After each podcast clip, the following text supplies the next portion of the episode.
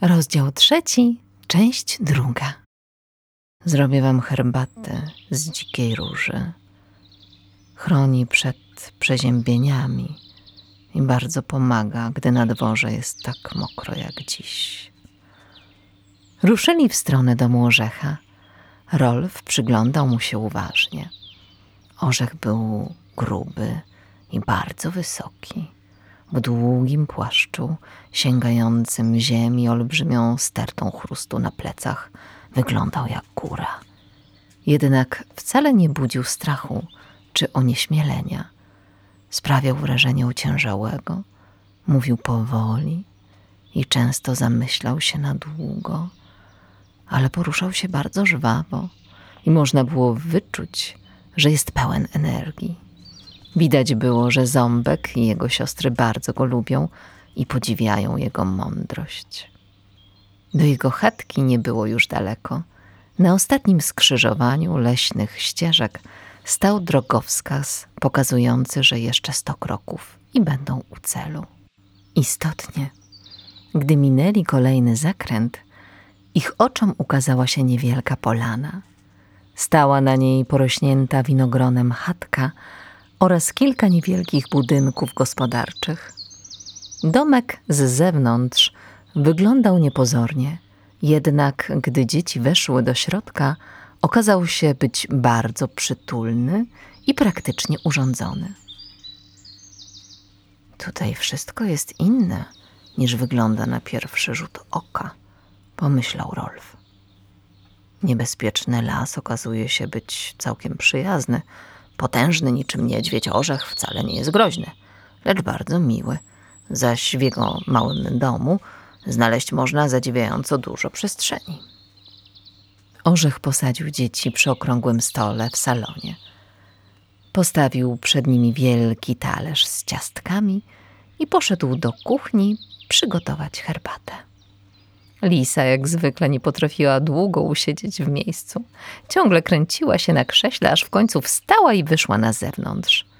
Nudziło ją to siedzenie ze wszystkimi w salonie i popijanie herbatki. To było dobre dla pogrunek, ale nie dla niej. Ona chciała się bawić. Duże było jej zdziwienie, gdy stojąc na werandzie i zastanawiając się, od czego powinna zacząć, zobaczyła Zu wychodzącą za nią. Co ty tu robisz? spytała. Mi też nudziło się przy stole. Nie chcę tam z nimi być. Tylko gadają i gadają. Lisa westchnęła. Oni zawsze nic innego nie robią, tylko rozmawiają. A ja bym chciała, żeby coś się dookoła działo. Chcę coś robić. Ale kiedy spróbuję się bawić, wszyscy mówią, że mam siedzieć cicho. Możemy się bawić teraz. Tu ich nie ma. I nie będą nam mówić, co mamy robić. Tak, chodź, pokażę ci miejsce, w którym się chowam, gdy ząbek z orzechem próbują zanudzić mnie na śmierć swoim gadaniem o książkach albo lotach na księżyc. Chatce istotnie rozmawiało się o książkach. Okazało się, że Rolf znał bardzo wiele z nich. To właśnie na Wyspie Królewskiej wydrukowano większość książek z biblioteki Orzecha. Ząbek bardzo teraz zazdrościł Rolfowi jego pochodzenia. Na jego wyspie nie drukowano książek, bo chociaż Orzech miał małą maszynę drukarską, to jednak rzadko z niej korzystał. Mało kto również posiadał książki i czytał je, a przecież tyle ciekawych rzeczy w nich było. Orzech pokazywał dzieciom obrazki w wielkim albumie. Były na nich pokazane odległe miejsca, nieznane stworzenia. Możesz pokazać mi borsuka? spytał Rolf. Borsuka. Tak. Oczywiście rzekł orzech, wertując kartki. A czemu chcesz zobaczyć to stworzenie? Dużo się dziś nasłuchałem o borsukach. Lisa, jak zwykle, naopowiadała niestworzonych historii.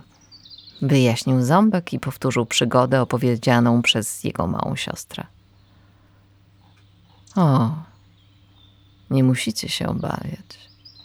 Borsuki są całkiem niegroźne dla nas, rzekł orzech. Tak właśnie wyglądają.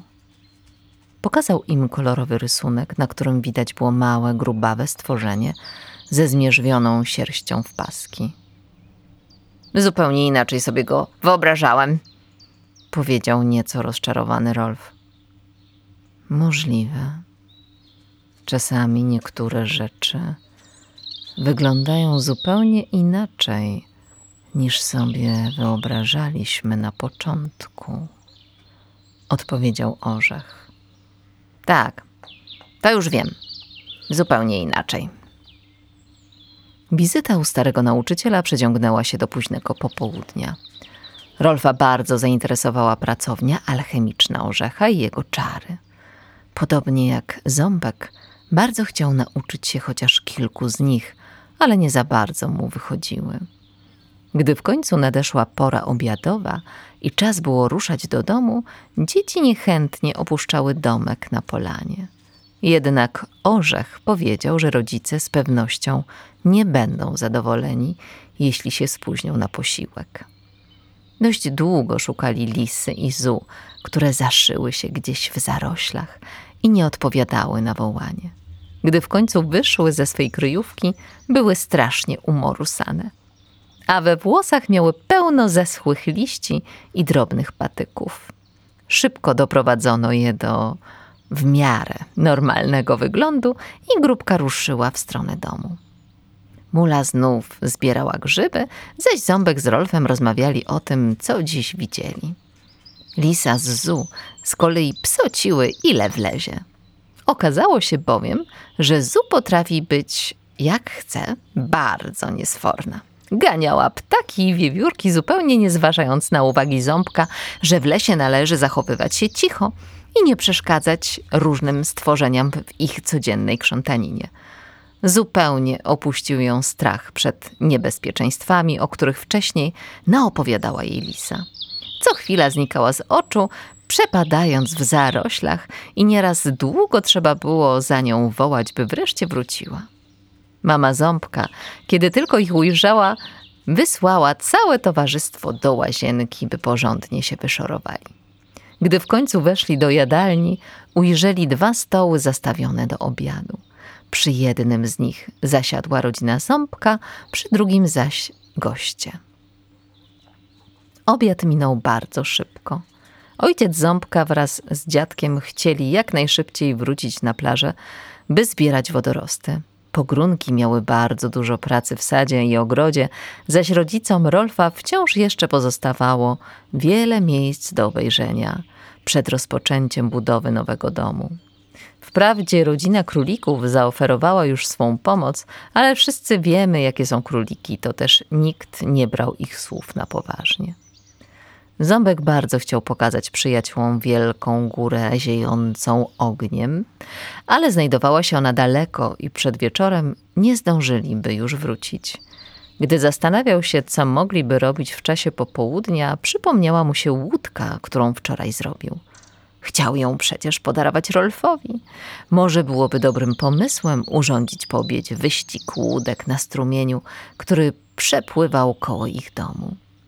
Z niecierpliwością czekał, aż wszyscy wstaną od stołu. Gdy tylko skończono obiad, szybko wymknął się z domu i pobiegł do szopy, w której stała ich łódź. Tam, we wnęce na dziobie, leżał jego okręt. Ząbek poprawił pognieciony żagiel i ruszył do domu ze swoim prezentem. Z dumą pokazał okręt Rolfowi. To dla mnie? Rolf nie mógł uwierzyć w swoje szczęście. Naprawdę zrobiłeś ją dla mnie? Mm, właściwie to zrobiłem ją dla siebie. Chciałem wypuścić ją w morze i zobaczyć, jak pływa. Ale myślę, że lepiej będzie, jeśli podaruję ją tobie. Co ty na to? Gdybyśmy zrobili wyścigi łódek, mam kilka innych w swoim pokoju. Mógłbym się z tobą pościgać. Ciąg dalszy nastąpi. Autorem jest Aleks Sławiński. Czytała Magdalena Woźniak. Bajkę udźwiękowił Miłosz Duda.